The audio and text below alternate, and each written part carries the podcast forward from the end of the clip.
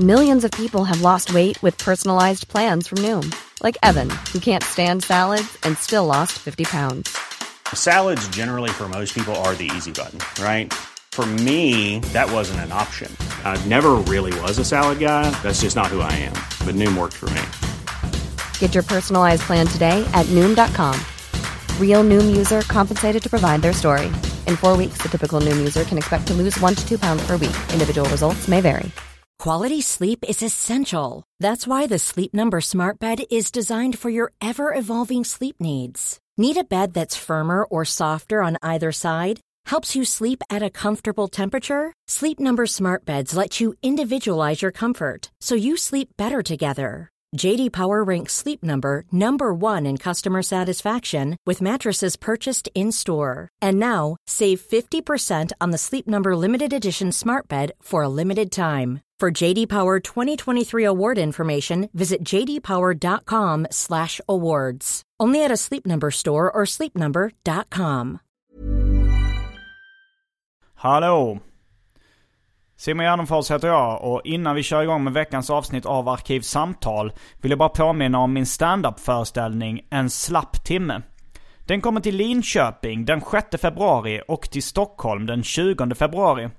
Och senast jag kollade så fanns det bara runt 20 biljetter kvar till Göta källare i Stockholm.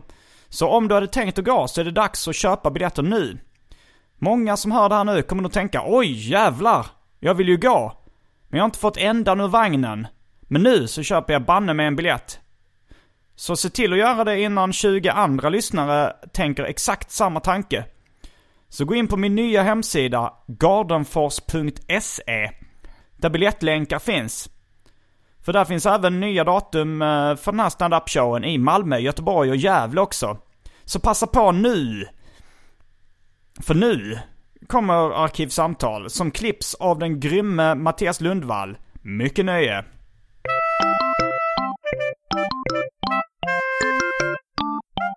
Då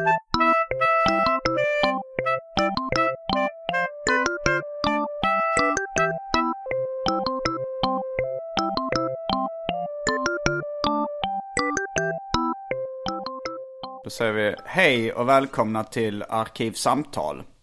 Jag heter Simon Gärdenfors och mitt emot mig sitter Fredrik Jonsson. Välkommen hit. Tack, roligt att vara här. Om du skulle beskriva din yrkesroll, eller vem, vem är du?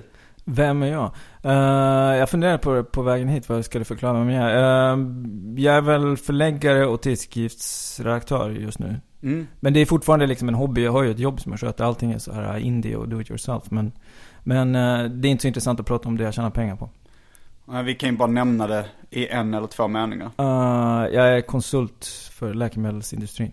Toxikokinotolog? Nej, farmakokinetiker skulle jag säga.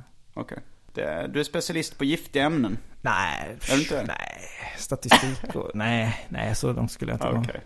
Jag kan ingenting, det är bara liksom programmering och... Du är utbildad apotekare. Just det. Du kallas i, i bekantskapskretsen för Apoteket. Mm. Är ditt smeknamn. Om, man nu, om man nu vill visa att man känner Fredrik Jonsson och skryta så ska man säga det var jag apoteket. Kanske till och med teket, är det vissa som säger. Apostrof teket. Och med vissa menar du David Liljemark? Jag kan också tänka mig din kusin, serietecknaren Mats Jonsson, skulle kunna säga teket också. Ja, kanske, kanske. Uh. Ja, kanske Pontus Lundqvist också. Jag vet inte. Jag, skulle inte, jag, tror inte, jag tror inte Henrik Bromander skulle säga det till exempel. Nej, han skulle nog inte säga teket. Nej, till exempel. Men det är kanske lite det som jag eh, vill prata om idag. Jag har nämnt det ganska många gånger i den här podcasten innan. Eh, det är så att jag, eh, som underhållare så har jag mitt ursprung i en, en krets som kallas för seriefandom. Eller nu för tiden kallas det nog bara för fandom. För det finns nog ingen annan fandom i Sverige som liksom gör anspråk på att kalla sig för fandom. Jag tror inte att science fiction fandom kallar sig fandom till exempel. Jag vet inte. Fråga David Nessle. Fråga David Nessle? Ja. Är han fortfarande aktiv? Nej men han, han har sina rötter där så han kanske ja. vet. Jag vet inte. Men så vi, jag tänkte att vi kanske kan prata lite om liksom fandoms historia. Ja men den, den, den kulturella bakgrunden jag kommer ifrån. Där du är något av en nyckelperson. En spindel i nätet i seriefandom skulle man kunna säga. Ja, jag lever utan att verka. Äh, vänta, verkar utan att märkas. Verkar utan att synas. Verkar är utan att synas, heter det, ja. som har den slogan? Just det, ja, men det, det han är ju en spindel liksom. Ja, Du har väl läst uh, historieboken? Är han inte ritad som en spindel? Jag tror det. är han det? Jag tror det det. känns som en judisk stereotyp. Men han var inte ens det. Jag Ja. tänker så här en ondskefull spindel som styr. Ja, fast jag tänkte, du, du har inte, inte, vi kan ju kolla det sen. Men du, du vet vilken jag menar, historieboken som Ordfront gav ut? Jaha, den, Det det var var den- det, ja, det är jag det, tänkte men- på. Det var en, ja. en tecknad serieversion. Annika Elmqvist, Paul Rydberg och några till. Och Ah. Ordfront gav ut den i ny utgåva. Den har Ja, jag påverkat mig faktiskt det. ganska Jag har mycket. inte läst den. Men, Nej. men där var Wallenberg tecknad som en Ja, spindel. ja, som jag minns det var det så. Han och några andra. Ja. Liksom. Men hur, eh, hur blev du en eh, spindel i nätet i seriefandom? Jag tror att det började med att jag läste tecknade serier och eh, var intresserad av det. Så gav jag ut sådana här fanzine. Måste man förklara vad fanzine är? Nej. Nej, amatörutgivna tidningar. Fotokopierade grejer. Man gick till Ja. pappas jobb och kopierade och häftade ihop grejer. Mm. Eh, och så lärde jag känna folk den vägen. Mm. Eh, och så slutade jag aldrig intressera mig eh, för serier och att ge ut saker. Och sen har det bara liksom vuxit ifrån det. Att jag har lärt känna folk den vägen. Sen så grenade det av. Det är inte bara, det, vid, en punkt så började det grena av började handla om annat än bara tecknade serier. Det blev liksom konst och nollbudgetfilm och eh, punkspelningar och liksom sådana grejer. Mm, Du gav ut, eh, gav ut ett fanzine som heter Seriechock. Och den tidningen, från början så var det kanske de brevsidorna i den tidningen som blev lite en samlingspunkt för uh, seriefandom. Alltså i den kretsen, när jag kom in i den så dominerades den kanske av David Liljemark, eh, du och din kusin Mats Jonsson som är en, en pionjär inom svensk självbiografiska serier. Johannes Nilsson, Henrik Bromander, Pontus Lundqvist. Mm. Bara killar. Ja, Mm. på den Men det var tiden 90-talet 90 var det ytterst få kvinnor som Mm. Åsa det- det- Grönvall var väl den första kom- som lite kom Jo, in jo. i den kretsen. Eh, och ja, typiskt nog som flickvän till en av oss liksom. Ja men hon var ju också serietecknare. Fast hon kanske inte hade börjat teckna Nej, hon, hon gick konstfack. Ja. Hon gick konstfack. Jag, jag kommer ihåg på Hon Lava. var, blev tillsammans med Mats Jonsson. Och eh, sen att- David Liljemark. Uh, hade inte hon, ja, jag ska inte, jag ska inte köra mycket skvaller här. Eh, men jag kommer ihåg att jag var på en utställning på Lava då hon ställde ut några akvareller eller liknande. Mm. Det var innan hon började med serien. Hon kanske gick första eller andra året på Konstfack. Nej men på den tiden var det väl mer en klassisk eh, nördklubb liksom. Ja.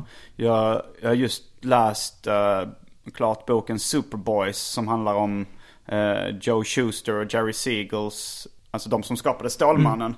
Och de var, de tillhörde ju liksom en av de första fandomkretsarna i världen. Som då var science fiction fandom på 30-talet i USA. Och då var, och man kunde säga, det var kul att läsa den eftersom jag kommer lite från samma värld. Att de, de, de skrev in brev till brevsidorna i då eh, Fantastic Stories eller liksom science fiction tidningar som var lite mer mainstream som man kunde köpa liksom på bensinmacken. Eh, och där lärde de känna varandra eh, genom de brevsidorna. Det var lite så i kanske tidskriften Bild och Bubbla från början. Eh, att jag, jag lånade på biblioteket och där såg man på brevsidorna liksom eh, folk som var väldigt engagerade i serier. Som sen blev mina kompisar. Ja. När, eh, för jag bodde i Skåne. Jag åkte upp rätt mycket till Stockholm och träffade dig och Mats och... Ja just det, det var ju innan internet också måste man Ja, säga. var- För oss, oss som är gamla och födda på 70-talet, är liksom att det fanns ju inte den här möjligheten att ta kontakt med folk. Man var tvungen att skriva brev och, Mm. till varandra och, och vänta på posten och liksom Ja, den grejen. Det var inte det här lätta. Det var, David Liljemark berättade ofta att han joggade hem på rasterna för att kolla om det hade kommit nya fanzine i brevlådan liksom. ja, fast han var väl i och för sig, han var väl nog mer engagerad än de flesta andra skulle jag säga. Ja. Förmodligen mest engagerad. Det här var, jag kom in i, i svängen eh, 1995 skulle jag säga. När, när vi, jag gav ut första fanzinet, Mm. Dagens Nyheter med, med Kalle Törn och Viktor Arve. Mm. Men när, när var det du kom in i, Jag läste, bilder, jag läste Bilderbubblan, alltså jag började prenumerera på Bilderbubblan när jag var liksom, gick i trean, alltså nio år. Mm. Men jag var väl inte engagerad, det var slutet på 80-talet tror jag. Som jag kom in på det. Som jag, började, jag, jag tror jag gav ut det första fanzinet 86. Mm. Men sen blev det också en, eh, när då internet kom in i bilden. Mm. Så gjorde du, eller det var till och med din nuvarande fru som gjorde en hemsida till Seriechock. Ja, just det, just det. Fanzine. Och sen den gästboken där blev liksom en, en social Ja, mötespunkt just det, på just det. nätet för då fandom som vi var, hängde där varje dag. Mm. Lite på samma sätt som man kan gå in på Facebook nu Mm. Och liksom skrev till varandra och, och eh, det bildades en, en krets av eh, kreativa människor. Kanske Ja. mest serietecknare men det fanns ju även andra som... Fast i och för sig, folk är ju inte bara serietecknare liksom. Varken du eller David Liljemark eller Pontus Lundqvist eller Mats Jonsson eller Henrik Bromander är ju liksom, eller Johannes Nilsson. Ja, Johannes Nilsson är verkligen ingen serietecknare. Eh, är ju liksom bara serietecknare. De flesta sysslar med lite av varje. Jag bör, det, det börjar grena, Mm. som jag sa, det börjar grena ut. Jo, så är det ju. Just nu så har jag ju lite tagit en eh, paus från serietecknandet också. Mm. Och i viss mån... Det, det, jag kommer ihåg på 90-talet var det mycket snack om att svika fandom. Mm. Jag vet inte, det var kanske just David Liljemark som använde det uttrycket. Tongivande person. ja, han anklagade vissa eh, som hade liksom varit engagerade Mm. i serier och fanzinvärlden för att ha svikit fandom. Mm. Och kanske var lite arg på riktigt på folk som hade svikit fandom. Jo, jo, jo. Så jag har väl i viss mån svikit fandom nu. Jag vet inte om det finns kvar på samma sätt den här tajta kretsen. Det, det är kanske det jag vill höra lite från dig. Vad har hänt i fandom sen jag lämnade? Jag skulle, jag skulle säga att det, det har väl uppstått ett nytt fandom egentligen. Okej. Eh, Eller jag, jag känner som att jag, alla jag känner blir liksom, de jag kände för länge sedan har blivit någorlunda framgångsrika. Eh, och sen så har det kommit liksom nya personer och jag vill liksom ligga i framkant så jag, Eller i och för sig, man säger, jag behöver ju liksom inte Eftersom jag nu har förlaget och jag ger ut Mm. Ja, den det, här det har vi kanske inte ja, nämnt förlaget. Du startade även ett förlag som heter Lystring förlag. Det var inte bara jag, fast Ja. efter ett tag så blev det bara jag. Ja, men som gav ut då recension av Johannes Nilsson, Mm. Turist av mig och sen tidningen uh, Det Grymma Svärdet. Mm. Och lite andra lösa produkter. Lite skivor och grejer. Ja. liksom. Ja. Jo, men vad var frågan? Vad har hänt i fandom sen jag lämnade? Eh, det var väl, det, lämna, det jag var väl, det var väl just det, det väl just det att, ord. att jag, ja men det känns som att någon som verkligen lämnade fan väl Pontus Lundqvist i och för sig, som har kastat in handduken som redaktör för, för Det grymma svärdet. Det Grymma Svärdet är alltså en kulturtidskrift Mm. som du är förläggare för. Ja, redaktör också. Men från början var Pontus Lundqvist redaktör. Ja, jag var väl med redaktionsmedlem också, fast eh, ja, redaktionen var han och jag och han var chefredaktör Mm. och allsmäktig. Pontus Lundqvist vill jag gärna ha gäst i den här podcasten Mm. också. Det är vissa som har önskat honom som gäst. Men det är att han bor på landet och det är lite krångligt att ta sig dit. Alltså jag, jag vistas ju rätt mycket i olika storstäder så jag har spelat in mycket poddar i Malmö Mm. och Göteborg och Stockholm. Men bor han fortfarande i Ljung? Ja, ja. I och för sig, han brukar ju, han brukar ju sprida lite så här uh, änglastoft för att liksom förvirra folk. Så det är Ja. inte så lätt. Om han, om han officiellt bor på ett ställe betyder det inte att han befinner sig där hela tiden. Det är lite som Mm. Stalin som sov i liksom, hade olika ställen att bo på. Sov i olika sängar varje natt nästan. För att han var paranoid eller? Ja, i Stalins fall ja. Jag, jag vet inte hur paranoid Pontus är. Men jag kommer jag kom ihåg när han bodde i, i Göteborg. Officiellt så bodde han i Sabina Ostermarks lägenhet i andra hand tillsammans med Christian Palin. Mm. Eh, och Christian klagade liksom när jag hälsade på att, ja, men, ja, jag trodde vi skulle ha skoj och bo här tillsammans men, Mm. men eh, han är ju liksom jäckande skuggan så här. Ibland dyker han upp, ibland dyker han inte upp. Och när han inte, han kan inte kan gå flera dagar, jag har ingen aning om var han är någonstans. Folk frågar mig, jag liksom bara, Men eh, har det bildats en ny, alltså finns det en, en ny krets Jag- som jag- är lika jag- tight som vi In- var på den inte- tiden? jag, jag skulle nog säga Fast den handlar inte så mycket om tecknade serier då, utan det handlar om någonting annat. Vad handlar det om nu för tiden? Ja, mer te- ja, sån här textfanzin. Kopierade alltså, textfanzin. men folk kopierar ändå dem på papper fortfarande och ger Ja, eller fortfarande det är snarare som en revival för kopierade textfanzin. Okej. Så eh, jag skulle säga så här, Jonas Joso och eh, Carolina Dahl, Mika Wiborg, eh, vad heter han? Alex som gör Kissan Pavet. Det Vad heter tidningarnas? Eh, de heter Kissan Pavet, Salm... Kissan Pavet. Ja, Vad betyder det? jag vet inte. Ja. Eh, Jag vet inte, jag, nej, Paver betyder dag på Kissan. Jag tror Kissa kan vara katt. Alltså, nej min Ah. finska är inte jättebra. Min det här finska... är ett finskt fanzine. Nej, det är, han, han kom från Kiruna. Det är Ah. ganska nära. Uh, Kissan Pavet, Paddsatan, Hunden som vägrade dö, Samlade neuroser, Autotrof, eh, jag har säkert glömt någon. Eh, ja, några stycken. Där tycker jag ser en krets som liknar lite Mm. den kretsen vi hade. Och de skriver texter, publicerar på Ja. och kopierar. Ja, Va- just det. varför varför kopierar de, varför sprider de inte det bara på bloggar? Vilket Det borde blir- vara lättare att sätta. Ja men det, det blir någonting speciellt. Det är samma sak som varför, varför envisas folk med att släppa vinylskivor liksom. det, om, om, om du ger ut någonting så fysiskt att ta på. Mm. Det, det, värdet i det har liksom ökat. I och med, det var liksom, när bloggarna kom var det som att oj oj oj jag behöver inte kopiera upp de här fanzine. Jag kan lägga upp mitt material på, på, på nätet. Eller, Ja. eh, eller och nästa steg med poddar liksom. Att ja, men jag behöver inte ens skriva ner det. Jag kan bara sitta och babbla så får jag ut det. Men då blir det så lätt. Ja. Så att, att göra, och då blir det en sån extrem volym på allting. Mm. Så att då blir liksom det här statementet att du faktiskt kopierar upp någonting på papper och Mm. gör ett litet häfte. Det blir liksom, det betyder någonting. något. Jo, jag förstår det i viss mån. Alltså, Mm. hade jag, jag... Jag har varit lite sugen på att göra en, en serietidning. Mm. Liksom att ge ut en sån här ungefär som eh, nej, men Peep Show på, på 90-talet. Mm. Eller uh, 8-Ball och Hate och dem. Liksom, att det hade varit rätt kul att göra idag också. Men, Mm. Jo. men samtidigt så fattar jag att det är lite en övergångsperiod. Att det, det är väl lite vi som har vuxit upp med också som tycker att det eh, har så jättemycket värde. Alltså för att jag tycker inte att eh, skivor så, jag, jag vill inte ha Nej, är massa är DVD-filmer är eller är liksom. Men jag, jag skulle säga om, om du har en tidning, en antologitidning. Mm. Det är någonting speciellt som händer. Om du kollar, tar upp ett gammalt nummer av 8-Ball och tittar. Mm. Jag kommer ihåg att det var Sammy Harkham, uh, Eightball är serietecknaren. alltså då Daniel Klaus eh, eh, Gamla serietidning. serietidning. Ja, Mm. den kommer inte ut fortfarande. Nej, det gör den inte. Nej det gör han inte, han ger nog bara ut böcker nu för tiden. Mm. Men Sammy Harkham, som är redaktör för en serieantologi i, i Amerika. Som heter, Uh, det Kramer's? Ergo, ja. uttalar sig Ergo. Ergo. Vad var nu? Ergot, Ergot är, nu, Ergot. nu kommer min yrkesroll här. Ergot kommer från ergotamin som är någon slags... eh, är det en svamp eller någonting som växer, växte på majs? Mm. Som man sen kan, man kan ta och rena upp det. Det finns LSD i det. Ah. Att du kan rena upp det. Det finns jättemånga, i den här speciella svampen. Eh, Eh, där finns den här eh, ämnet som sedan är LSD. Jag vet inte riktigt om du sätter på någon molekyl för att få det till att bli LSD. Men det finns, det finns hallucinogena substanser i den där... den där Utvinner man mjöldryg, LSD? mjöldryga heter det va? eh, utvinner man LSD från Ergot? Jag vet, jag tror det. Jag tror det. Jag tror att det är ganska knivigt. Jag har sett molekylen, den ser ganska knivig ut att göra helt från scratch. Jag tror Mm. att man utgår, förmodligen odlar du den här mjöldrygan och sen så gör lite... Mjöldrygan. Ja. För jag kommer ihåg, eh, du är ju också ganska så här matintresserad. Mm.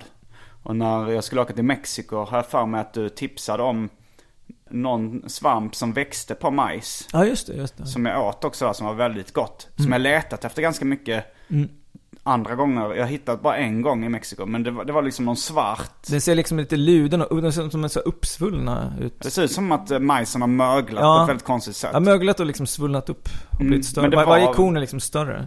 Men det var gott och smakade Mm. liksom svampigt på något sätt. Det var, när jag sa det jag för mig att det var en ganska trendig ingrediens men uh, jag har till och med glömt bort vad den hette. Mm. Men jag tänker apropå um, matvaror som man utvinner droger från. Tänkte jag på eh, att jag läste om uh, sassafras. Sassafras heter det på engelska. Och så, eh, för det, jag har alltid haft lite problem med den smaken som finns i Dr. Pepper, Jenka och så vidare. Root beer. Root beer ja. Min storebrorsa, när vi var små och bodde i USA så kallade han den smaken för pest. Så vi har alltid kallat den smaken för pest. Men, men eh, sen någon gång när jag var på eh, hamburgerkedjan Counters i, i eh, Kalifornien. Och så fick jag en sås som heter Red Relish. Som jag då trodde skulle smaka som ajvar. För att det brukar kallas för ajvar relish och är rött. Men så smakade den pest. Den smakar jänka. Ah, konstigt att ha på burgare. Ja, jag tyckte också det var. Och då, men då sa um, eh, min kompis som var där, så, ah, men det är nog sassafras. Som är en rot. Och då förmodligen roten som finns i root beer. Ah, ja, ah, ja. Ah. Eh, men sen läste jag att det, man utvinner MDMA från sassafras.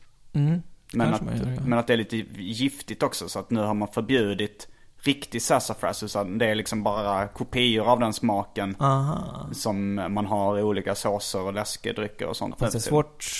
Jag vet inte riktigt om det kan stämma. Men... Varför skulle inte det kunna stämma? Jag, s- jag menar, ofta brukar det ju ha, om- om du jobbar med essenser så brukar det ju vara att det är ju den molekylen som ger den smaken. Du, du kan inte... Alltså bananessens, Ja. är det utvunnet från en banan? Att, jag vet inte riktigt man, ut, hur man tar fram det, men Mm. det är väl snarare så här. Det finns, det finns en massa alkaloider i bananen. Mm. Som tillsammans ger banansmaken. Och i den här bananessensen så har tagit en av den, de, den viktigaste. Okej. Eh, och det är därför bananen smakar så här. eh, Alltså banangodis smakar ju banangodis, det smakar Mm. inte banan. Men det beror på att, ja, det, det är för att man har bara en av de här, Ah. ja, ett av de här ämnena som ger smaken. För att få en riktig banansmak så måste du ha fler. Och få liksom mer, mer, eh, ja. Jag vet inte hur många, jag har, jag har inte forskat i det här liksom. Men du, du behöver fler essenser för att få den riktiga smaken. Mm, Men sen när jag var på någon sån här eh, läskbutik i eh, Los Angeles. Eh, Du nämnde tidigare innan vi slog på micken att du ska till Los Angeles. Så det är ett tips också. De har en sån där Galcos tror jag det heter. Ett, liksom en, de har eh, 700 sorters läskedrycker. Mm. Ja men du har, du har bloggat om det, så Ja, jag, jag känner till det. Men där så hittade jag Sassaparill. Mm. För jag, jag läste Sånt som smurferna, ja, jag läste smurferna när jag var liten. Och då så älskade de Sassaparill. Mm. Kanske uttala Sarsaparill. Sar- Sarsaparill tänker jag. Sarsaparill. I smurfarna så var det ett löv, eller ett blad av något slag. Mhm. Ja, men, just det. men jag kommer ihåg eh, att de, de hade en sarsaparillläsk där på den uh, Galcos. Det heter samma på engelska. Sarsaparilla tror jag Mm, det ja. heter där. Det är ett A på slutet. Men så köpte jag den. Och då uh, smakade pest. Ah. Vilket var väldigt förvirrande. Tänker man, är det sassafras eller är det... Det kanske är sassafrasbladen de har i smurfarna istället för sassafrasroten. Om de smakar skulle, likadant. Skulle sassafrasbladen heta sassaparill? Ja. I och för sig det låter ja, ju kan det, det är ganska likt. Ja. Ja. Varför inte liksom? Är det, är det sarsaparil i, i originalet också? Belgiska originalet av smurfarna? Jag har inte...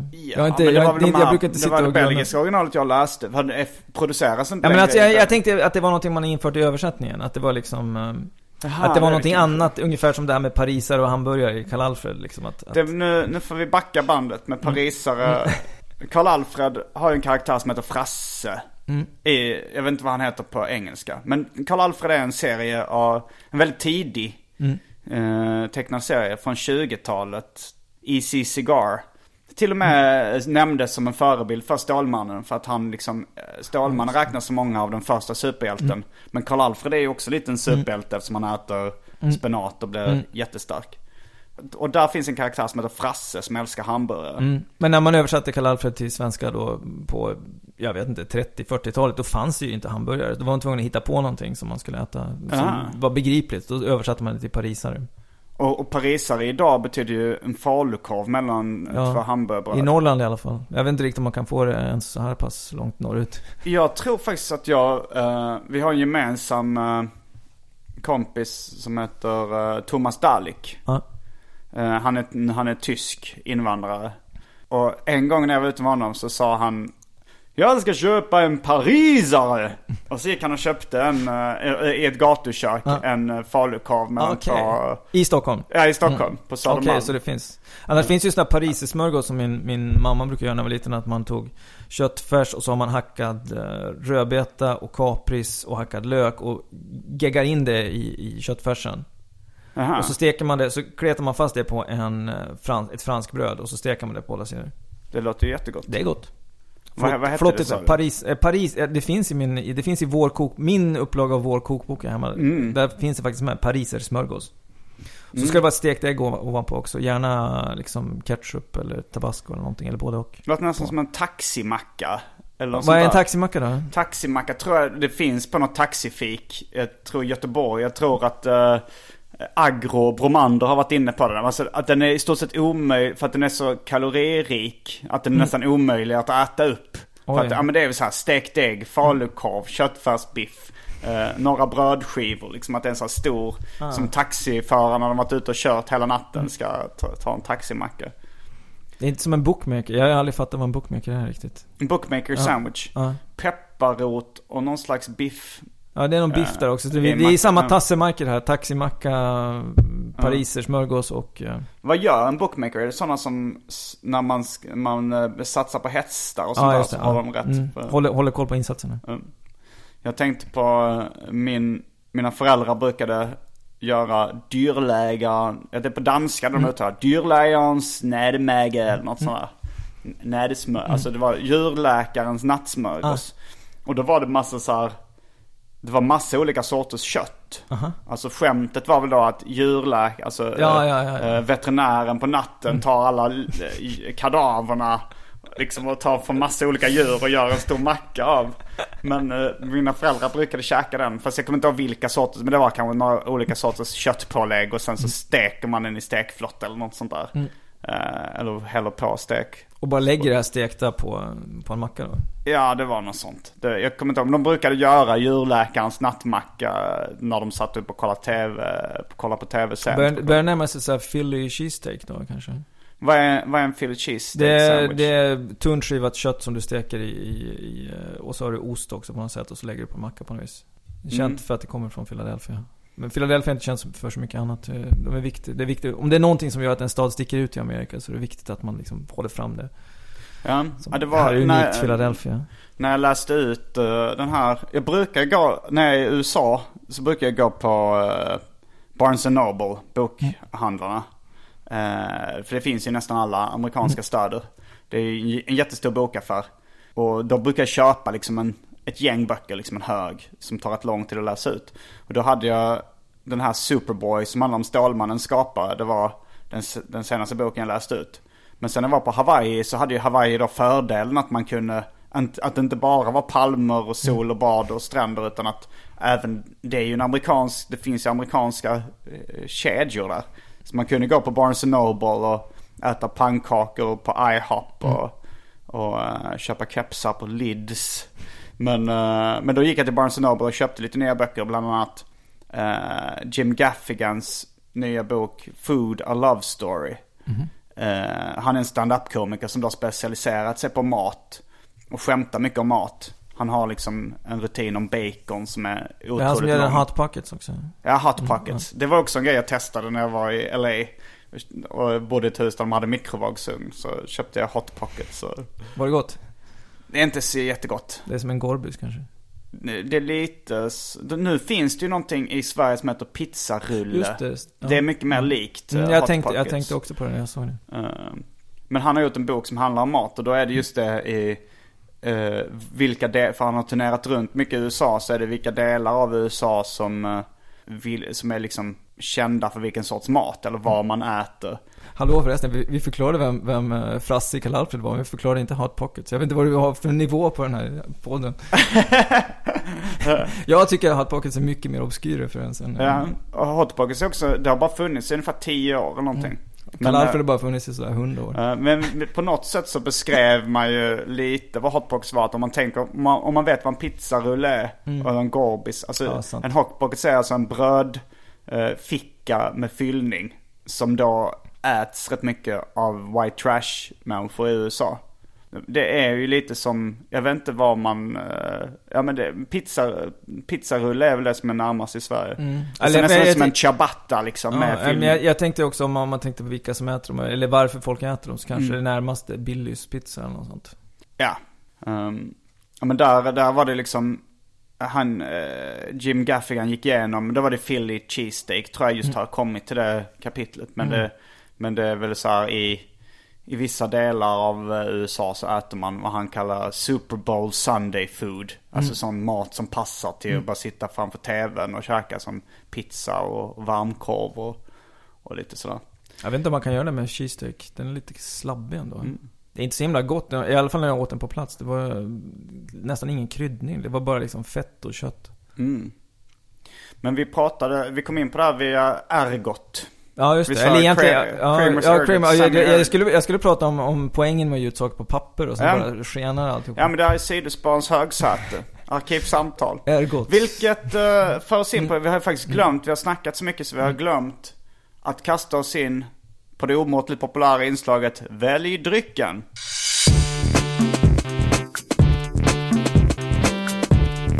Jag tror vi börjar med det fasta inslaget Välj drycken! Här kommer alternativen. Lindemans rödvin, Pepsi Max, Husets mjöd, vit mjöd, naturlig mjöd. Kall gin. Volt Cola, Fritz Cola, Dr Pepper och för tråkmånsar och nejsägare vatten. Ja, det var en ganska påver lista, vad ska jag välja av det Ja, där? det var ändå många. Vad var det? Nej, Ja, jag, men fall, det- jag faller inte kall i. Nej, ett glas rödvin är helt okej. Ja, Mm. Är det också iskallt? men när rödvinet är rumstempererat. Ja men det är okej. Eh. jag. Gärna ett glas vatten till också. För att visa tråkmåls... Precis som i Italien. Ja just det. Eh, men då tar jag samma beställning tror jag. Fast du kanske får, eftersom jag inte orkar diska så kanske du får det i margaritaglas. Det är det enda som jag har Ja, rena. ja, risk för att jag spiller men okej. Då är vi strax tillbaks med rumstempererat rödvin och en side order av vatten. Till både mig och Fredrik Jonsson. Häng med! Hey, I'm Ryan Reynolds. Recently, I asked Mint Mobile's legal team if big wireless companies are allowed to raise prices due to inflation. They said yes. And then when I asked if raising prices technically violates those onerous two year contracts, they said, What the f are you talking about, you insane Hollywood ass? F- So to recap, we're cutting the price of Mint Unlimited from $30 a month to just $15 a month. Give it a try at mintmobile.com slash switch. $45 upfront for three months plus taxes and fees. Promo for new customers for limited time. Unlimited more than 40 gigabytes per month. Slows. Full terms at mintmobile.com. Many of us have those stubborn pounds that seem impossible to lose, no matter how good we eat or how hard we work out. My solution is PlushCare. PlushCare is a leading telehealth provider with doctors who are there for you day and night to partner with you in your weight loss journey. They can prescribe FDA-approved weight loss medications like Wagovi and Zepbound for those who qualify. Plus, they accept most insurance plans. To get started, visit plushcare.com slash weight loss. That's plushcare.com slash weight loss. Millions of people have lost weight with personalized plans from Noom, like Evan, who can't stand salads and still lost 50 pounds. Salads, generally, for most people, are the easy button, right? For me, that wasn't an option. I never really was a salad guy. That's just not who I am. But Noom worked for me. Get your personalized plan today at Noom.com. Real Noom user compensated to provide their story. In four weeks, the typical Noom user can expect to lose one to two pounds per week. Individual results may vary.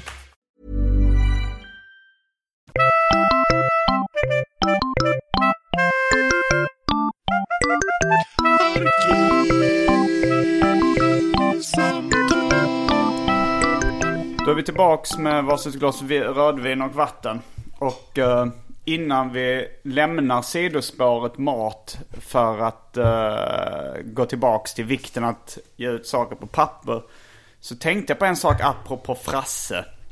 Eh, för att det, finns ju en svensk hamburgerkedja som tagit namnet Frasse av... Och jag, och jag för mig, jag, det här är inte helt säkert, men jag för mig att... För jag är ganska intresserad av eh, snabbmatskedjor, kanske framförallt hamburgerkedjor. När jag är i USA så vill jag alltid testa ifall det finns några jag inte har testat och sådär. Och jag vill testa de som finns i Sverige. Eh, Men jag för mig att du sa att du tyckte att Frasses var din favorit av de som fanns i Sverige. Nå, har jag sagt det? Det, kan jag, det kanske jag bara sa för att vara lokalpatriotisk för Norrland eller. Det är vet Norrland. Men Max är ju också från. Norrland. Jo, Men, eh, men de, de hatar ju fackföreningar och sådär väldigt Max, intensivt. ja. Ja, var det inte någonting med att jo, det var väl någon, det. sa, någon som Facebook, jag har inte Facebook, men det var någon Facebook-skandal runt Max. Mm. Men, eh, ja, jag vet inte riktigt, jag vet inte riktigt om jag står vid det där. faktiskt. Vilken skulle du säga idag? eller? Den svenska Den favorithamburgerkedjan. som finns i Sverige. Det finns ju egentligen bara McDonalds, Burger King, Max och Frasses. Som är renodlade hamburgerkedjor vad jag känner till. Nu har ju Lillys Burgers, det kan man inte riktigt räkna Mm. Som en kedja. Burgers? Det är en sån här hipster... Uh, Det är de som finns där vid Hornstull. Som Petter, rapparen Petter var insupad. Nej, han, hans heter nog Shack. Men den, den kvar är en som kedja för de finns i Sundbyberg också. Ja, jag vet inte Det- riktigt. det- Det, är inte det- riktigt fast food-kedja på samma sätt som uh, Frasses och Max, tycker Mm. jag inte. Men, men, men Frasses, jag, det var ju den sista som jag hade kvar att testa. Ah. Och nu har jag testat den på två eller tre ställen och jag tycker den är vidrig. Alltså det är det absolut sämsta. Jag har inte ätit, det är som. Sibylla ungefär skulle jag säga. Ja fast det är nog sämre. Sibylla är ju inte Sibylla- en renodlad det hamburgerkedja. Det är mer såhär gatukök. Men... Nej, jag vet inte om jag står för det där. Nu, om jag skulle säga favorithamburgerkedja nu skulle jag säga Hässburgare, den finska Hässburgare. Ja men den har jag käkat på också. Med deras rågburgare med rågbröd. Eh, vad betyder häs? Eh, jag trodde att det var en, uh, från början, uh, i, om man är, pratar lite slang eh, i Finland så kan man kalla Hel- Helsingfors för Hesse. Då trodde, Ah. jag att det var, då trodde jag att det var det det var ifrån, att det var Mm. Hesseburg. Men sen så insåg jag att det var väldigt ont om Hässburg i just Helsingfors. Så då Mm. frågade jag en finsk kompis och han sa att det var inte alls så. Jag hade fått allt om bakfoten. Ah. Det hade någonting att göra med namnet på han som grundade kedjan. Mm. Och han sa också att det, grejen som deras selling point Mm. i, Deras USP. Ja, det är dressingen då som ska vara så extra Aha. bra. Att deras dressing ska, det är det som är, och det här med råg, rågfilé, det är ganska nytt. Eh, och han var också, vid samma besök så pratade han liksom lyriskt om att de hade, faktiskt hade Burger King. För Burger King var liksom nytt för Finland. Det var bara här om året som Burger King kom till Finland. Så han sa att när Burger King öppnade i Helsingfors så var det liksom så här kö runt kvarteret. Åh jävlar. Och det känns väldigt så här eh, konstigt för en Ja. svensk. Men, eh, men så är det när, jag tror fan det var sådana Dunkin Donuts öppnade i Sverige så var det också lång kö. Eh, och det hade nog sett konstigt ut om man, eh, om man är van vid Var, var öppnade Dunkin Donuts någonstans? uh, i Gallerian Okej. i Stockholm. Men min storebror så ett vagt minne av att han sa att när han bodde i Australien så hette Burger King Hungry Jacks. Att det var Hette samma inte, logotyp. Hette det inte Big Burger också? Eller blanda ihop dem? Det kanske det gör. Kanske en annan kedja. Men vilken amerikansk hamburgerkedja tycker du är godast? De, de, den som flest brukar nämna är In-N-Out Burger. Alltså varför, som- varför då?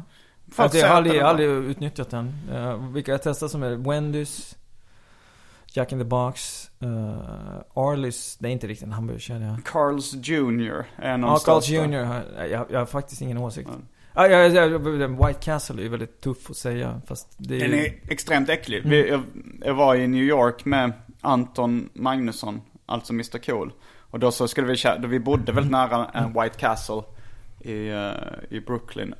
Och eh, han, han klarade inte av mer än en tugga.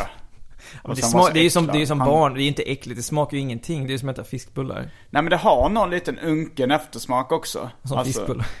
Ja, ja det har det ju. Alltså, nej, men, men alltså, ja men det smakar, det smakar lite som att du har haft lite matrester i vasken lite för länge. Det, det, det är den här ångkokningsgrejen. Ja, om du, om du gör en ångkokar de börjar ja, ja, ja. Eller ångsteker eller något sånt där. Det är Mm. något konstigt. Det, det är det som är deras selling point. Och det är därför de har hål i början också. För att de ska bli genomstekta genom den här usla metoden. Mm. Det, det godaste jag har käkat, det, det var nog kanske ingen kedja, men det var nog ett ställe i Sacramento tror jag det var. Där, där de hette Home of the Cheese Skirt, var sloganen. Jag kommer inte ihåg vad den kedjan hette, men, men det var ju extremt gott. Då var det då att de la så mycket ost på hamburgaren på liksom själva stekplattan. Så att osten smälte ut och blev liksom, smälte ut på stekplattan som en, liksom en ostkjol runt burgaren. Och som blev som en så här frasig, eh, hård ost liksom. Som man sen knaprade på utanpå innan man kom in till själva burgaren. Det var nog den godaste jag har käkat. Jag skulle säga, just det, jag, jag kan nog svara, jag har ett svar på din fråga. Egentligen är det konstigt att komma på att det, jag äter inte så mycket kött. Det, jag är inte så jätteförtjust i, ska jag äta kött vill jag hellre ha liksom något fint kött. Men nu ska jag en gång i veckan, en gång varann, veck, varann vecka ska jag äta kött. Men ja. min bästa hamburgerupplevelse var ju, har ju ingenting att göra med någon amerikansk kedja. Utan det var på en mindre ort i, i en mindre ort i Frankrike, vid, nära Atlantkusten. Där jag åt en burgare med chèvre på. Alltså istället för vanlig ost så hade de chèvre. Eh, Och så var det ju eftersom det var Frankrike också, de hade ju rättigheter man kunde få en öl till. Jag tror Vad att det var en De hade kedja. rättighet så man kunde få en öl till? Ja. Okej. Mm. Eh, Och det var bara något kvarter från hotellet vi bodde. Men alltså det var en mindre byhåla med Mm. kanske 5 000, 5 10 000 invånare eller något sånt. Som jag bodde i. Och jag tror att det var en kedja, men jag kommer inte ihåg vad kedjan hette. Men jag har börjat, om jag, om jag gör hamburgare hemma så lägger jag på chèvre alltid. Mm. Ja, nej, jag äter inte jättemycket kött längre heller. Uh, du såg mig just äta en vegetarisk fryspizza i ugn. Eh, jag tänkte till och med att jag kanske, kanske kan kalla mig vegan som gör lite, som fuskar ibland. För, men frågan är ju hur, hur mycket man kan fuska. För om man är en vegan som fuskar någon gång ibland, då kan man väl ändå räkna sig som det. Men frågan är hur ofta man kan fuska och ändå Ja, ja det är det här liksom så här, upp till, ja, upp till s- mitt eget samvete. Ja, typ du, eh, så här extrema veganargumentet där. Du säger ju att du är någon slags specialvegan här, men liksom man kan inte vara liksom är man mördare så är man mördare liksom. Men jag mördar bara en gång var tionde år ungefär. Ja, men du är ändå en mördare. Nej men jag tänkte det folk blir irriterade på hyckleriet om man säger att man är vegan men fuskar. Men jag tänker då det hade varit roligare att göra tvärtom. Att man säger att man äter, nej jag, jag äter allting, jag har inga problem. Och sen så säger folk, men du äter ju bara fallfrukt. Det är ingen som har sett den äta något annat förutom fallfrukt. Ja, ja, jobbar med negativ rymd, på något sätt, ja. Mm. Eh, kanske bör nämna Shake Shack i New York också som den godaste hamburgaren. Det är nog den godaste kedjan. Mm, jag har inte varit så mycket i Amerika på sistone så att jag har botaniserat riktigt. Men sen, jag tror att det handlar också om att jag är inte så förtjust i hamburgare. Eller, Mm. det är inte så att, det finns väl en, en grej med att man liksom går in och äter snabbmat på någon konstig snabbmatskedja som inte är McDonalds. Mm. Jag kan se tjusningen i det, men om jag själv ska ha någonting att äta så väljer jag ju inte hamburgare. Om jag Amerika. Det är där det sitter egentligen. Mm. Men jag tänkte på apropå ostkjolen, cheese skirt, för du har ju varit i Mexiko också. Eh, att där åt jag en gång uh, någonting som var det godaste jag ätit i hela mitt liv. Som påminner lite om en ostkjol. Fast det hette chicharron de queso. Eh, som, var, som var liksom som ett, ett, om man tänker ett tacoskal, ett hårt. Den, den konsistensen. Fast egentligen var det liksom hårdstekt ost. Så det var liksom ett stort chips nästan. Ett stort chip av, eh, av hårdstekt fras, knaprig ost. Och som man sen kunde doppa i, i guacamole. Att äta det med ost liksom. Det var, fast jag har också bara hittat ett ställe. Det, det kallar de chicharron de queso. Det är bara protein liksom. Det är inga kolhydrater alls. Nej, förutom lite i uh, avokadon. är det Lite. Men det är inte kolhydrater heller riktigt. Det är fett och- Ja, för det är bara, det är bara fett, Fett och vatten. fett, fett, protein och vatten. Det är inga kolhydrater alls. Det är så här eh, low carb. Ja, LCHF. Men det var jävligt gott. Men chicharron är väl egentligen så här friterat grisskinn eller något sånt tror jag. Jag vet inte, jag känner inte till begreppet chicharron faktiskt. Eh, Så då, då kastar vi oss tillbaks i handlingen till... Vi, vi började, sidospåret började med Ergot. Eller du, du ville Ja just det, prata just om Han, eh, just det, han, varför just gör man grejer just på just, papper? just det. Han, han, gjorde en, han gör en serietidning också med bara sina egna serier. Och i Som den, heter... eh, den heter Crickets. Heter den. Mm, mm. Det var Drawing Quarterly, alltså det stora, väldigt stora, det etablerade kvalitetsserieförlaget eh, i Kanada är de ju, fast de säljer i Amerika Mm. också. Eh, de gav ut den där serietidningen från början, men sen slutade de göra serietidningar. Pratar du om Crickets eller Kramer's Ergot? Crick, crickets, Mm. crickets. Och nu ger han ut en själv. Det Mm. kom ut ett nytt nummer ganska nyss. Men i alla fall, han skrev någonting om att en lyrisk text om hur bra det var med serietidningar. Till exempel då Dan Klaus 8-Ball. Att om man öppnar ett nummer av Dan Klaus 8-Ball, då är det ett omslag med lite så slogans och sen kanske en liten ledartext. Och sen så är det ett kapitel ur, ur Ghost World kanske. Och så är det någon lite gags och så är det någon lite så sida med tips och liksom att, att det uppstod någonting unikt genom den där blandningen av material. Som inte, och att han liksom saknade den där unika sammanställningen. Eller han tog fram kanske Hate, Peter Baggs Hate, som var hans tidning då. Mm. Eh, som ett annat exempel. Att det är något speciellt som händer när du ställer de här sakerna bredvid varandra. Och det får du ju inte riktigt om du har ett personligt flöde i någon, någon eh, RS, vad heter det, RSS-feed eller någon Facebook-flöde eller någonting. Utan då, då blir det någonting som är individanpassat. Det finns liksom ingen tanke i hur saker och ting flödar. Nej. Utan just det här att du presenterar material i en viss ordning och sen fascistiskt så tvi- tvingar du läsaren att nu ska du läsa det här, sen ska du titta på det här, sen ska du titta på det här. Det uppstår någonting speciellt där. Mm. Och det, får, det kan du åstadkomma då i ett, i ett fanzine eller en tidskrift. Plus att du kommer ifrån, det på något sätt tror jag också man kopierar upp sådana här äh, fotokopierade fanzine att det blir på något sätt ett fackfinger till det här med att man, håller, man samlar metadata, man håller koll på vad folk lyssnar på. Lyssnar du på Spotify kan ju folk kan ju de se var du är någonstans, vad du lyssnar på och sen kan de anpassa. Men du undviker väl lite eh, moderna former av kommunikation? Eller så här, du, du har inte Facebook eller eh, jag gissar att du inte använder Spotify. Rätt? När man kommer hem till dig ibland så, så har du på en vinylskiva med japansk noise som låter, noise-musik som låter som en gasläcka. Jag kommer ihåg jag hälsade på dig en gång eh, i, Stock, eh, i Stockholm. Då, då hade du dina svärföräldrar på besök. Och det lät som att det var någon, som att det pös bara. Det lät så.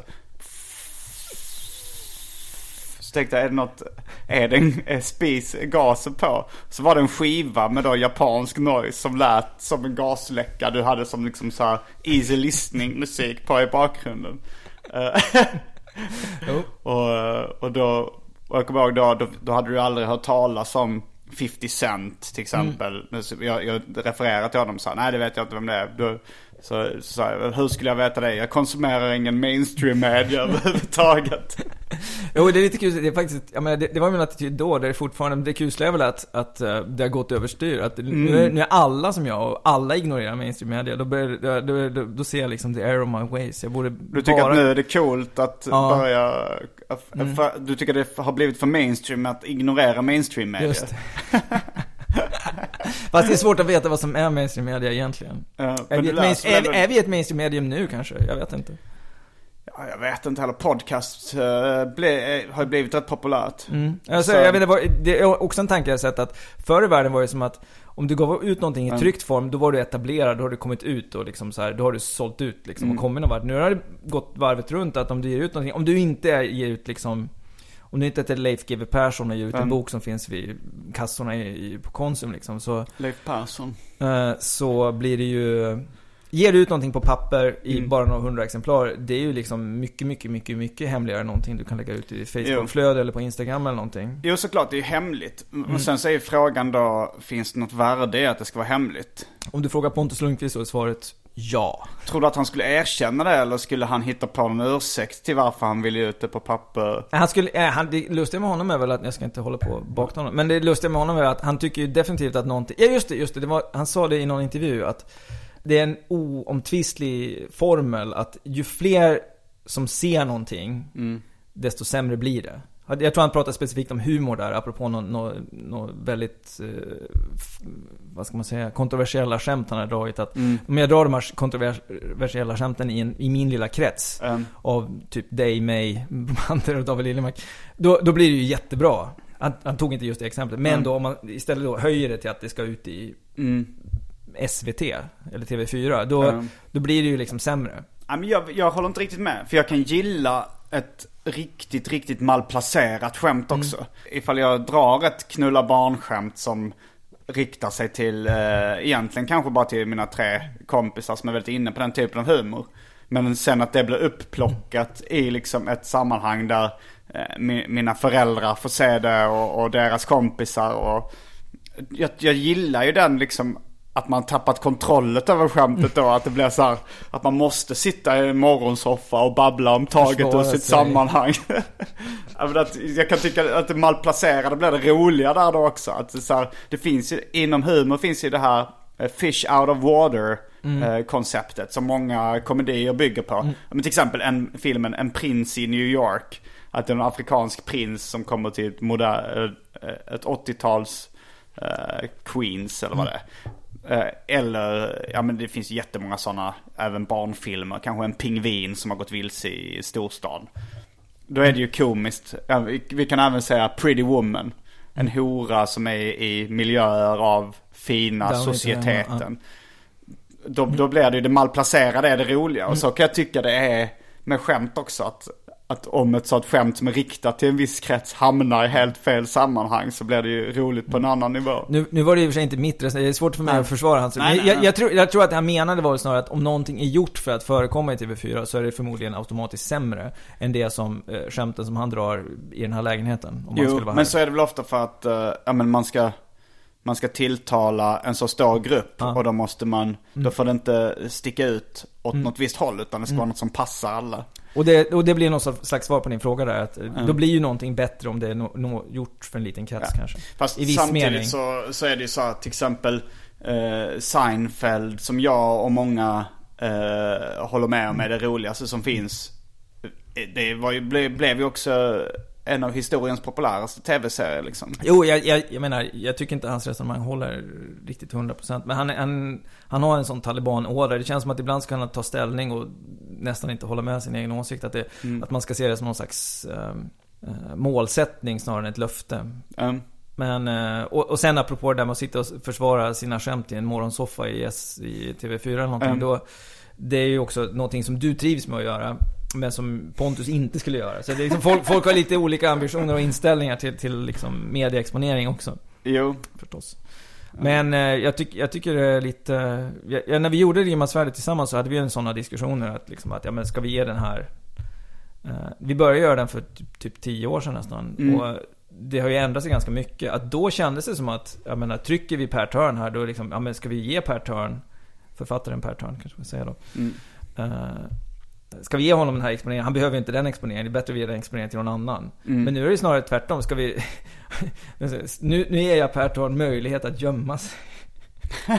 kan, nej, inte för, nej, jag, skulle snarare ge dig, om jag, om jag Mm. publicerade dig, så skulle vara, då skulle du kunna göra det för att då får du tillfälle att gömma dig från liksom, Jo men lite ja. så kände jag kanske när jag medverkade på uh, Det grymma svärdets kassettutgivning. Du, ni skulle göra ett nummer som hyllade Liza Carver. Mm. Vill du berätta för lyssnarna om vem Liza Carver är? Eh, hon gav ut ett uh, fanzine på 90-talet som var väldigt personligt och ja, ja, det finns... Roller Derby heter Roller det. Derby heter det. Det finns en, ett gammalt nummer av tidskriften Sex eh, som kanske folk kan hitta, som folk kanske har läst. Eh, hon var, hon var intervjuad och eh, hon skriver väldigt bra och väldigt fördomsfritt och tänker liksom på sitt eget Hon tänker inte så mycket på vad folk tycker om henne.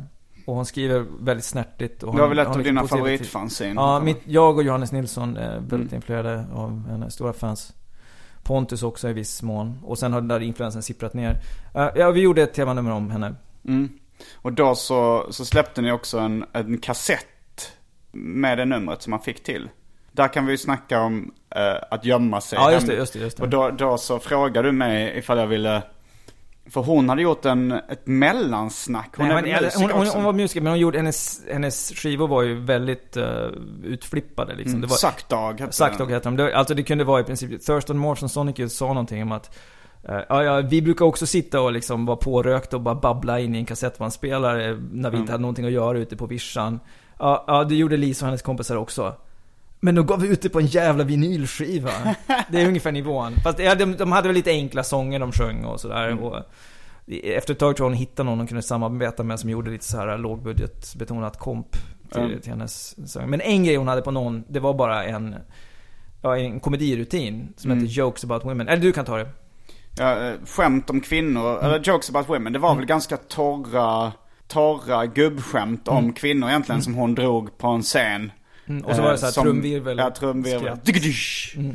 Fast det- det blir liksom en konstig twist när det är hon, när det är en kvinna som drar dem Um, på något sätt. Ja. Men sen, eh, sen så sk- skulle, i det här specialnumret du gav ut, så skulle olika svenska kreativa personer göra tolkningar av hennes verk. Och då frågade de mig om jag ville göra, spela in då versioner av skämt om kvinnor. Eh, och då, då mm, kanske läste in några av mina mer stötande skämt. Som, Kanske, kanske. Eh, som jag bara läste in på det här uh, kassettbandet. Och det, då kände jag väl kanske lite det här, okej. det, det, det är lättare att dra sådana här skämt på någonting som man får ett fanzine som man måste betala pengar för och sen liksom hitta en kassettbandspelare och lyssna. Än om jag bara skulle liksom släppa det på YouTube. Eller av. Spotify, Spotify. Eller Spotify. Släpp spåret på Spotify. Ja, men Men det, var- det var lite, det var lite skönt att gömma sig där. Men, men samtidigt har jag ju släppt minst lika kontroversiella saker utan, ja, ja, kanske, jag vet inte. För det här är ändå så här, det blev ju att jag do, drog gubbskämt. Bara liksom rakt av.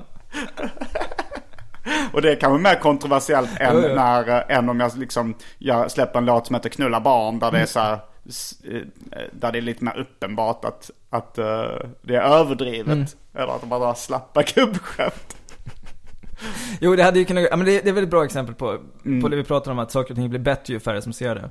Jo, Att, att liksom gör det, den där grejen blir bra på kassetten. Eh, men om de hade funnits på Spotify, alltså för det första det hade inte varit så, de hade inte varit så karriärsmart kanske att släppa det spåret på Spotify. jag tror... Känns som att någon kommer att köpa kassetten och lägga ut det på YouTube nu bara för Jag sa den enda som hade uppmärksammat det, det var eh, Ida Terén som hade en blogg på Rodeo tror jag, någon som heter Mm. Konst med C. Eh, där skrev hon någonting om det här numret och hon nämnde att jag drog skämt om kvinnor. Jag kommer inte ihåg om det var någon kommentar bara. Simon Gärdenfors drar väldigt roliga och så inom citationstecken skämt. Punkt, punkt, punkt. Någonting i den stilen tror jag. Ja, något sånt var det. Så det var väl, hon har medverkat i den här podden också. Så det, det var ju, hon kanske hade dömt mig hårdare om hon inte kände mig. Jag vet inte. Eh, eller, så, eller så helt enkelt förstod hon den subtila humorn i det. Ja, jag vet inte. Jag kom på att det var elakt att säga att det var jag som gav ut den. Carolina Stenström var också med. Eller alltså hon är min medredaktör, det känns, Känns, jag känner mig obekväm med att få för mycket cred. Um, var, um, det, var, det var ju en del av, en del av frågan jag ställde var, vad har hänt i Fandom efter jag lämnade? Det här, det här är mitt långa svar på den frågan. Och då 45 var- minuter långa svar. Och då var det, nej men dels har det, dels har det kommit en ny krets av eh, ett, ett nytt gäng som kanske främst ger ut tidningar på, på papper. Mm.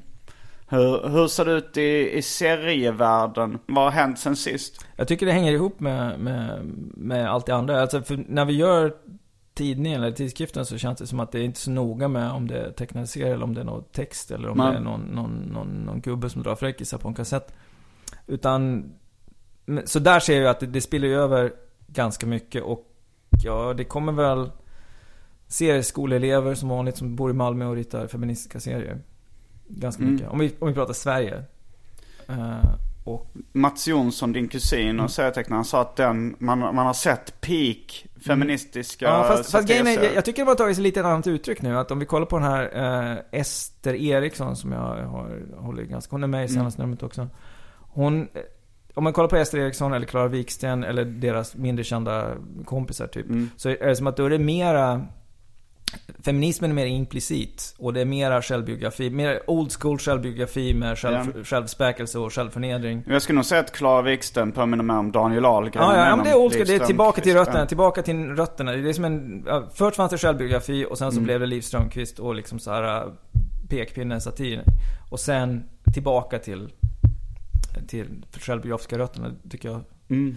Men att det är... Men på 90-talet då var det ju killar och nu är det tjejer som gör det. Och det, Mm.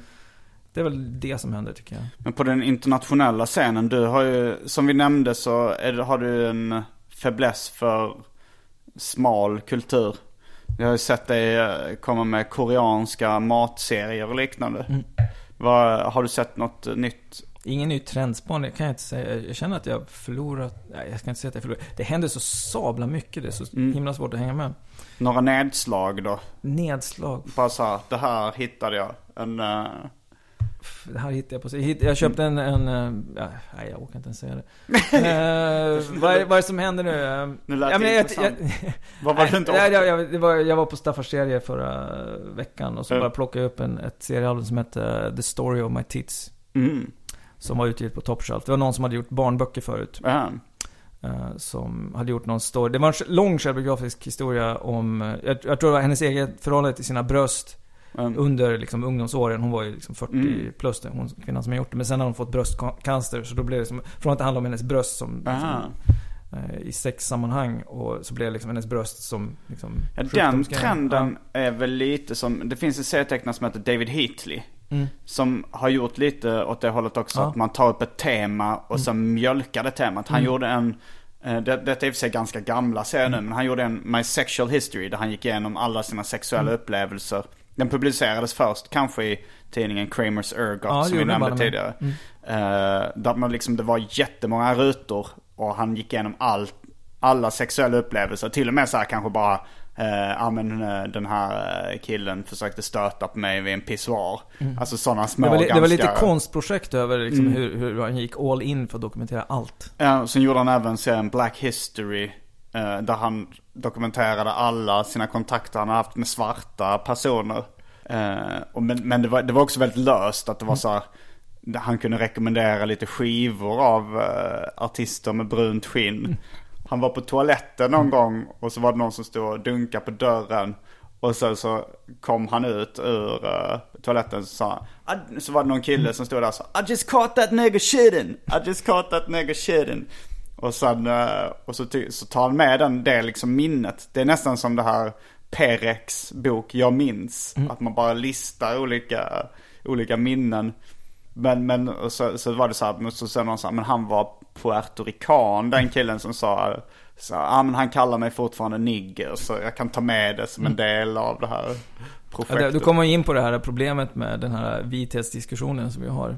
Att det, blir, Mm. det börjar bli ganska löst i fogarna när man ska börja prata om vithetsnormen. Liksom, vilka, är vita egentligen? Jag menar, jag har en Mm. massa arbetskamrater som bor i södra Frankrike. De skulle kunna passera som, som blattar om de spankulerar omkring i Stockholm. Men de är ju liksom Det är ju också definitionen blatte. är Ja, jo, liksom var, eh, ja, vit. Ja, men då, är du blatte så är du icke-vit. Och så. ja. Enligt, enligt vissas definition. Och, det, det illustreras väldigt bra. Ska du göra en sån här Black History-serie så var drar du gränsen? Hur vit ska man vara liksom? Mm. Ja. Eller hur svart ska det vara för att få med i serien liksom? Ja. Ja, jag var rätt inspirerad av den typen av berättande också när, eh, när jag gjorde Död kompis. Alltså så här, att bara lista olika minnen. Då listade jag så här, okej, minne, en del av boken var ju så här, minnen som jag haft av min kompis som sen dog. Så kunde det vara liksom bara så här, ganska till synes poänglösa minnen. Ja men här satt vi och, och tramsade oss med, med någonting liksom. Och så går man till nästa minne. Att det blir, eh, det blir liksom en lista av minnen på samma sätt som David Heatley gjorde. Eller även Jeffrey Brown gjorde i sin bok Miniature Sulk. Han Nu också kom, bara nu, listar nu kom jag på ett svar på din fråga. Alltså, Mm. det, det är en spaning kanske. Att om man kollar seriealbum internationellt så känns det som att det är mer och mer att det kommer en bok och sen är det som så här, nu har jag gjort en bok om det här. Mm. Nu har jag åkt till Makedonien och så har jag gjort en bok om hur det är i Makedonien. Och liksom, nu har jag gjort en bok om hur det är att ha bröstcancer. Mm. Och att det är liksom så här, nu gör jag en bok som handlar om det här. Ja. Och om man nu ska knyta ihop säcken ännu mer kan man tänka, om jag fattar Ester Erikssons bok som ska komma på Kartago i mars.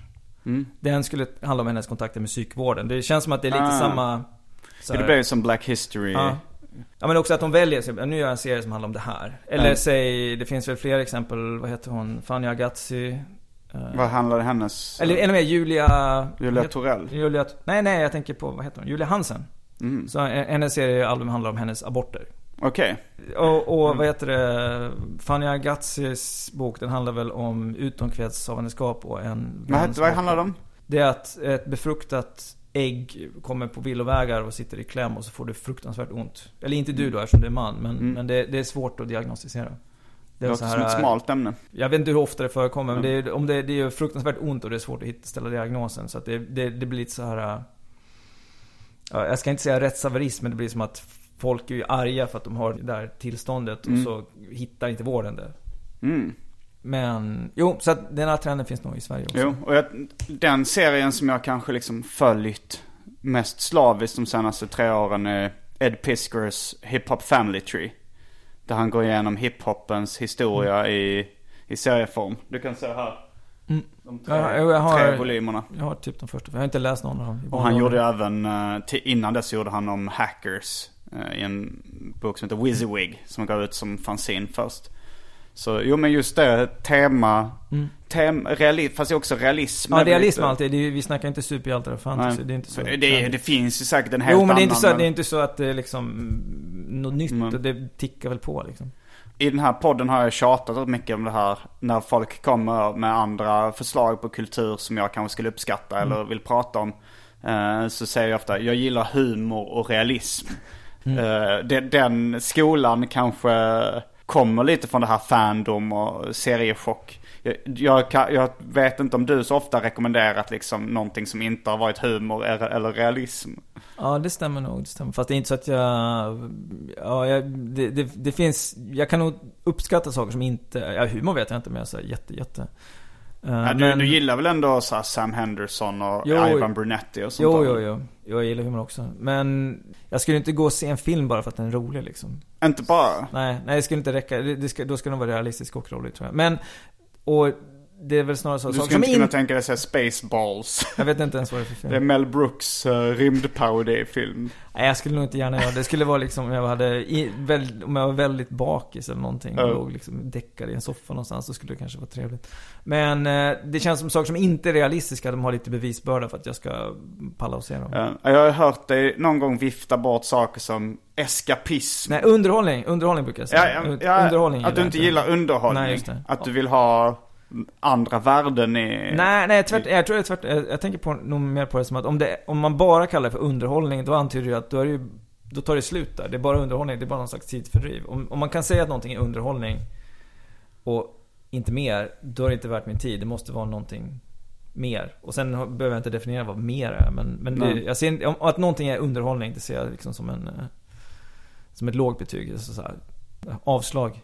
Eh, ja men jag har, det, det är väl kanske din kusin, den självbiografiska serietecknaren Mats Jonsson som har sagt så här, nej men det är sånt som Fredrik säger så här, nej nej nej, eskapism. Jag, jag har säkert sagt det men för typ 20 år sedan. Sen så lever det kvar så här. Jag är slav under mina gamla Dina gamla citat. Ja, usch. Nej men det, det kommer jag ihåg också att jag blev lite chockad över när du, när du sa att, när, när det gick rykten om att Fredrik Jonsson, han gillar inte underhållning. Nej men för att för min del så tycker jag att underhållningsvärdet är extremt viktigt. Alltså så här, jag kan ju, jag skulle ju säga till exempel att eh, om jag kollar på Seinfeld så är det bara av jag tycker det är underhållande. Jag skrattar åt det och sådär. Det är inte för att jag vill lära mig någonting eller, eh, eller vill eh, känna känslan. Det, det kanske är, nu tänkte jag säga, det är inte för att jag vill känna känslan av hur det är att vara människa. Som jag har hört. nej, men jag har hört Det är så folk brukar ursäkta sitt Seinfeld-tittande. nej men jag har hört, nu tänkte jag på serietecknaren Chris Ware. Ja. Som kanske är den liksom mest uppburna serietecknaren i vår generation. Han, när liksom de frågar honom vad hans serier handlar om. Så sa han så här, jag kan nog tala för både mig själv och ganska många av mina kollegor när jag säger att eh, vi vill bara förmedla känslan av hur det är att vara människa. Nu, nu kan det vara att jag förvrängt hans citat något enormt. Men det var något sånt där. Alltså det är ju jävligt löst att säga Jo, en ja. sån sak. Att det, men, men samtidigt så kanske det stämmer. Att så här, man plockar upp en bok från 30-talet. Så får man lite inblick hur det är att vara människa på 30-talet. Ja, ja. Och det är ju ganska intressant. Och det är ju... Det är ju Om man, om man prickar både att vara människa och att vara människa på 30-talet så du, får du ju två. Jo, så får man ju två. Men jag gillar ju även eh, att läsa bara så här, hur det alltså läsa om någons liv som är ungefär som mitt. Att då kan man också så relatera till det, känna igen sig i vissa problem och vissa... eh, Jag, tänk, jag tänkte på något som, du har Coco Modusons eh, första album där bakom dig i hyllan. Eh, jag tänkte på något som står, jag tror det står först i, i den boken, att det enda jag vill det är att liksom folk ska känna igen sig eller något sånt där står det. Ja. Och jag, jag, det, det känns lite, siktar lite lågt ändå. Man kan ju åstadkomma mer än så. Men jag tycker det blir ofta en ganska svår diskussion när, när, folk, när, när man får frågan så här, har du något budskap? Vad vill du ha sagt? Vad vill du komma? För jag tror... Ja, det kan man ju svara liksom, om, om du, om jag kunde säga det i en mening då skulle jag inte ha skrivit den här boken. Då Nej, så är det ju ofta. sagt svaret. Och sen, eh, och sen, sen hamnar man också i den här återvändsgränden att, eh, att allting är meningslöst om man ska analysera sönder liksom. Så här, varför gjorde du det? För att, för att jag mådde bra av det. Varför vill du må bra? Jag vet inte riktigt varför jag vill må bra. Jag har varit med om så traumatiska upplevelser så jag måste arbet, bearbeta dem i konstnärlig form. Ja. Var- vill sta- standard man, stannar ju, kanske. man, man hamnar ju aldrig i ett slutsvar. Det blir ju alltid till slut så, här så nej det finns väl ingen direkt mening. Det låter liksom. som att du argumenterar med någon sån här jobbig sexåring som bara säger Men varför då då? Men varför då då? Men vad hände sen då? varför gjorde du så då? Eller Ja, men det varför? finns säkert Varför någon, blev det så? någon, eh, någon så här gammal filosofisk gren också där man ska ifrågasätta allting och Mm. till slut. Jo men så är det ju. Men det, det finns ju, jag tycker ju ofta det är rätt tråkigt att konsumera kultur med ett jättetydligt budskap. Ja, ja. Eh, Men samtidigt så, så ses det ju inte med så blida ögon på kultur som inte har, så, så här, om någon säger så här, det är många som viftar bort filmer eller böcker med så här, "Ah, vad vill de ha sagt med det här? Det finns, det är helt meningslöst, helt onödigt. Fast egentligen är det ju nog ingen som vet riktigt vad de vill med sitt liv eller sin konst, hävdar jag. Jo men det är väl folk som inte har förstått vad konst handlar om som, som viftar bort det. Eller som inte, antingen sådana eller Ingen folk som... har väl förstått ja, vad konst handlar De om. som säger så är väl antingen folk som inte är så intresserade av konst överhuvudtaget. Mm. Jag menar min, min svärfar är inte så himla liksom brydd i konst. Tycker att Nej. det är trams liksom. Eh, Eh, och det är den ena, och sen de andra finns väl de här mera dogmatiska personerna som tycker att konst ska vara uppbygglig. Jo, Det är Jo. väl så standard. Då, då, om, man- om man tänker så fyrkantigt så... Jo, som, så är det ju ofta på, jag har eh, ju blivit väldigt arg någon gång när jag pratat med liksom ansvarig utgivaren på Sveriges Radio som, som censurerar skämt för att de inte har något syfte. Att de inte har något budskap. Eh, och då, då tycker jag, okej, då kanske man inte ska, ska jobba med humor om man, om man tycker att det är bara ett redskap för, eh, för åsikter eller politik. Man kan ju göra det men man kanske inte ska vara chef över, över man ska inte få så här långt vidsträckta chefsbefogenheter på um, public service-radion. Man ska få ett skott i nacken. ska vi avsluta på klassiskt uh, klichéjournalistiskt sätt? Blicka in i framtiden. Jaha, oj. Blicka in i framtiden, ja, allt blir bara sämre. Är du, är du en grinig gammal gubbe som tycker att allt bara Nej men, men jag, jag tänkte väl mer på så här politisk utveckling och, och I ett global uppvärmning I och ett sånt där. större liksom. perspektiv Ja. skulle jag nog säga att allting bara blir bättre. Alltså Ja, för, eh, för hundra år sedan eh, fanns mer slaveri och liknande. Ja. Och alltså så Ja, att det kan vara en det, är sånt där Hans. Rosling argumentation. Ja, jag, jag håller nog med honom där. Men vi kanske, vi kanske har nått peak god utveckling nu, att nu går det neråt. Jag tror bara det är, en, det är en liten, ett litet hack neråt och sen kommer det fortsätta uh, bli mer och mer Jag civiliserat. kommer, jag kommer ihåg att jag hade en sån här diskussion med, med dig, Mats Jonsson och jag hade en sån diskussion med dig. Och du, var, du, du var liksom så utvecklingsoptimistisk. Mm. Ja. Och, och Mats var, gick på så här, nej men hur kan du tro det? Se bara hur det går med bla bla bla Ja. bla bla. Och du, liksom, så här, det där är inte realistiskt. Det är, allt går i, i, i putten. Jo, jo, men det kommer jag ihåg. Det var faktiskt på Littfest uh, för länge sedan. Det var kanske Jag har aldrig varit på sedan. jag var ju med. Jag var inte på Littfest. Okej, men då, då har vi nog haft den här diskussionen många gånger. Ni, ni kör den som ett Vi stand-up kör den. Jo men det är ganska ofta på fyllan. Uh, där jag hamnar i bråk med andra i, i bekantskapskretsen. Att jag är väldigt optimistisk och tror Mm. att så här, världen kommer bara bli bättre och bättre. Och det är många, och Mats Jonsson och många Mm. andra tycker så här, nej allting är på väg att gå åt helvete. Och jag kommer ihåg då när vi var just på Littfest efteråt. Så, eh, så var det- Johannes Nilsson och Mats Jonsson var väldigt inne på att allting skulle gå åt helvete. Och att eh, de sa så nej men om fem år så kommer vi inte leva som vi gör idag liksom. Det var så här, då kommer oljan, de var väldigt inne på peak Ja, just det. oil. Ja. Framförallt Johannes var väldigt inne på peak oil.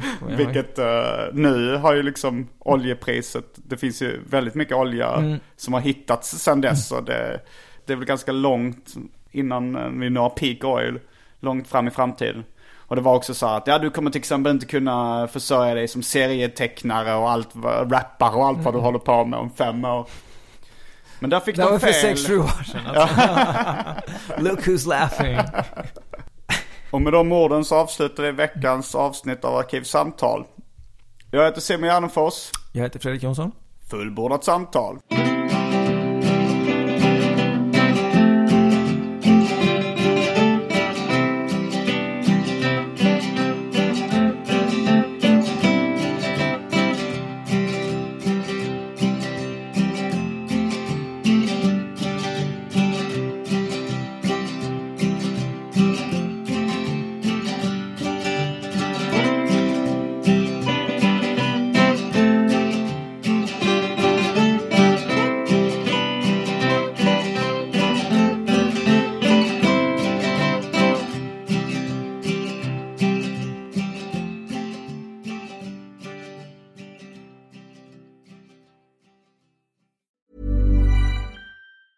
Planning for your next trip?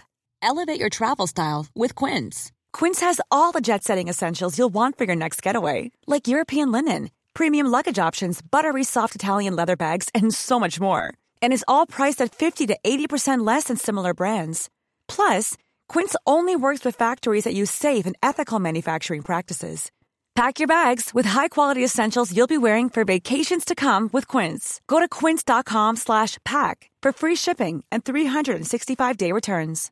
When you drive a vehicle so reliable it's backed by a 10 year, 100,000 mile limited warranty, you stop thinking about what you can't do and start doing what you never thought possible. Visit your local Kia dealer today to see what you're capable of in a vehicle that inspires confidence around every corner.